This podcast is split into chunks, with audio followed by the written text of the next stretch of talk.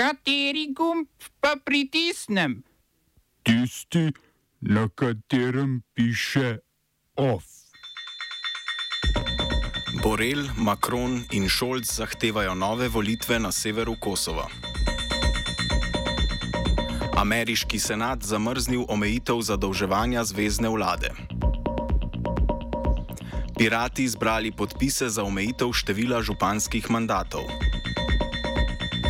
V kulturnem obzorniku okronali smo novo majsko kraljico. Visoki zunanje politični predstavnik Evropske unije Josep Borrell, francoski predsednik Emmanuel Macron in nemški kancler Olaf Scholz so od kosovske vlade zahtevali izvedbo novih volitev v večinsko srpskih občinah na severu Kosova. Trije politiki so srpskim in kosovskim oblastem postavili tri zahteve. To so takojšnja izvedba novih volitev v štirih občinah, zagotovitev sodelovanja Srbov na novih volitvah in začetek vzpostavljanja skupnosti srpskih občin v okviru dialoga pod okriljem Evropske unije. Na srečanju Evropske politične skupnosti v Moldaviji, kjer so zahodnjaki Kosovo postavili zahteve, sta bila tudi srpski predsednik Aleksandar Vučić in kosovska predsednica Vjosa Osmani. Osmani je izvedbo novih volitev na severu Kosova podprla samo, če bodo sprožene zakonito in če Beograd kosovskih Srbov ne bo spodbujal k bojkotu. Premijer Albin Kurti je dejal, da volitve lahko izvedejo, če se konča nasilje na severu države. Dejal je, da bi z mirnimi protestniki razpravljali, fašistični drhali pa ne bo predal Demokratične republike. Pred mestnimi hišami v treh od štirih občin na severu Kosova protestniki teden dni nasprotujejo novo izvoljenim županom albanske narodnosti. Izvoljeni so bili ob mizerni udeležbi, saj so srpske stranke na čelu s srpsko listo volitve 23. aprila bojkotirale.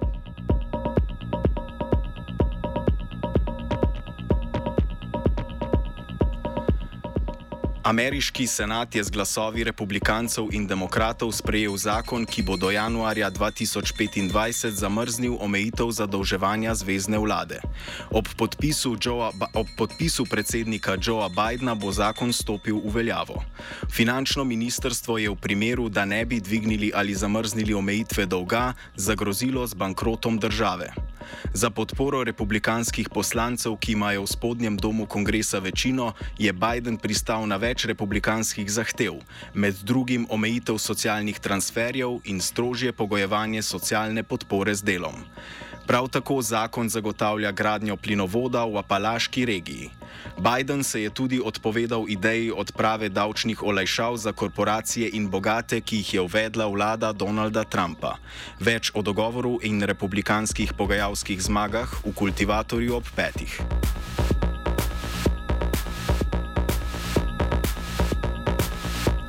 Združene države Amerike so s Tajvanom podpisale sporazum o gospodarskem sodelovanju. Sporazum bo poenostavil carinske preglede, izboljšal regulativne postopke in vzpostavil skupne protikorupcijske ukrepe med Združenimi državami in Tajvanom. Kljub sporazumu ZDA in Tajvan še zmeraj nimata uradnih diplomatskih odnosov, saj je Tajvan uradno del Kitajske. Kitajsko zunanje ministrstvo je sporočilo, da sporazum krši načelo ene Kitajske in je zadnji primer ameriških poskusov spodkopavanja politike tega načela.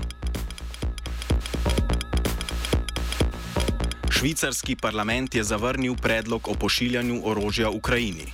Proti predlogu so glasovali v švicarski ljudski stranki, ki ima največje število poslancev v parlamentu.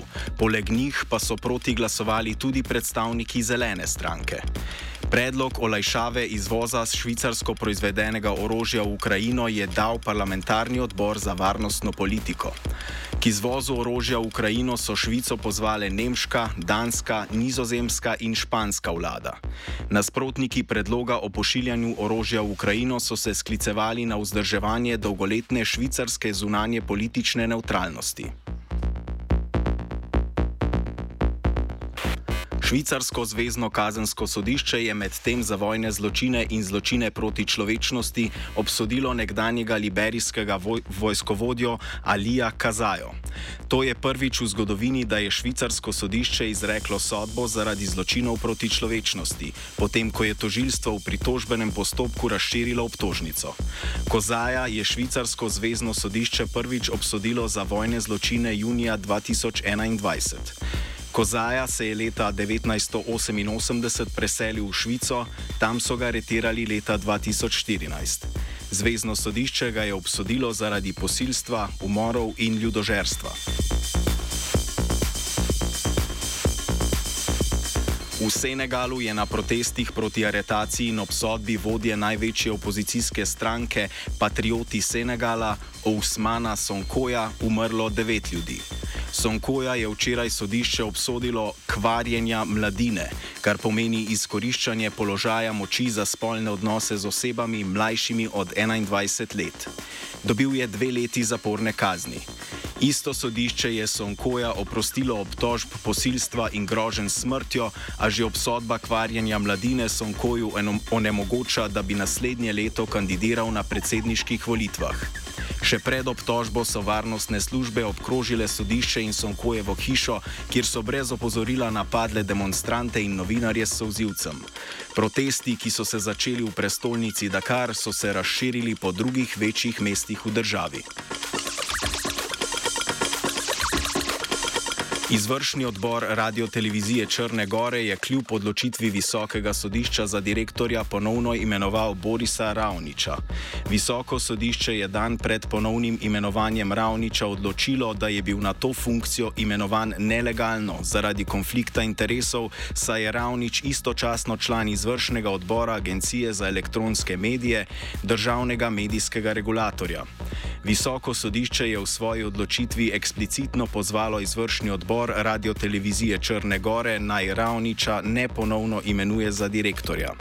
Ministr za ekonomski razvoj in turizem Goran Đurovič je opozoril, da bo v primeru ponovne izvolitve Ravniča uložil kazensko ovadbo zoper vodjo izvršnega odbora Radio Televizije Veselina Drljeviča. Smo se osamosvojili, nismo se pa osvobodili. Naslednje število je še 500 projektov. Izpiljene modele, kako so se strani nekdanje LDS rotirali. Ko to dvoje zmešamo v pravilno zmes, dobimo zgodbo o uspehu.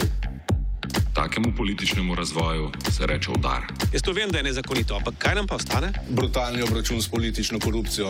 To je Slovenija, tukaj je naša Slovenija, Slovenija. Piratska stranka je zbrala prek 5000 podpisov za zakonski predlog omejitve županskih mandatov na največ dva zaporedna mandata. Pirati bodo predlog zakona v državni zbor uložili čez 14 dni, saj jim upravne enote še niso izročile vseh podpisov. Predlog zakona so za zdaj podprli ministri in poslanci iz vrst levice, odprto pa mu nasprotujejo v skupnosti občin Slovenije. Vršilec dolžnosti generalnega direktorja Radio Televizije Slovenija Andrej Grah Watmov je za ponedeljek sklical prvo sejo novega sveta RTV. Upravljanje in nadzor javnega servisa se bo v skladu z novelo zakona o RTV z programskega in nadzornega sveta preneslo na novo ustanovljeni 17-članski svet RTV. Novela zakona kot posvetovalno telo svet, sveta uvaja petčlanski finančni odbor. Novela tudi določa, da svet v najpozneje v 15 dneh po konstituiranju objavi javni razpis za predsednika in člana uprave. Sklic seje sveta je Watmov naložilo ustavno sodišče, ko se je odločilo odpraviti zadržanje izvajanja delov novele zakona o RTV. OF je pripravil Jan.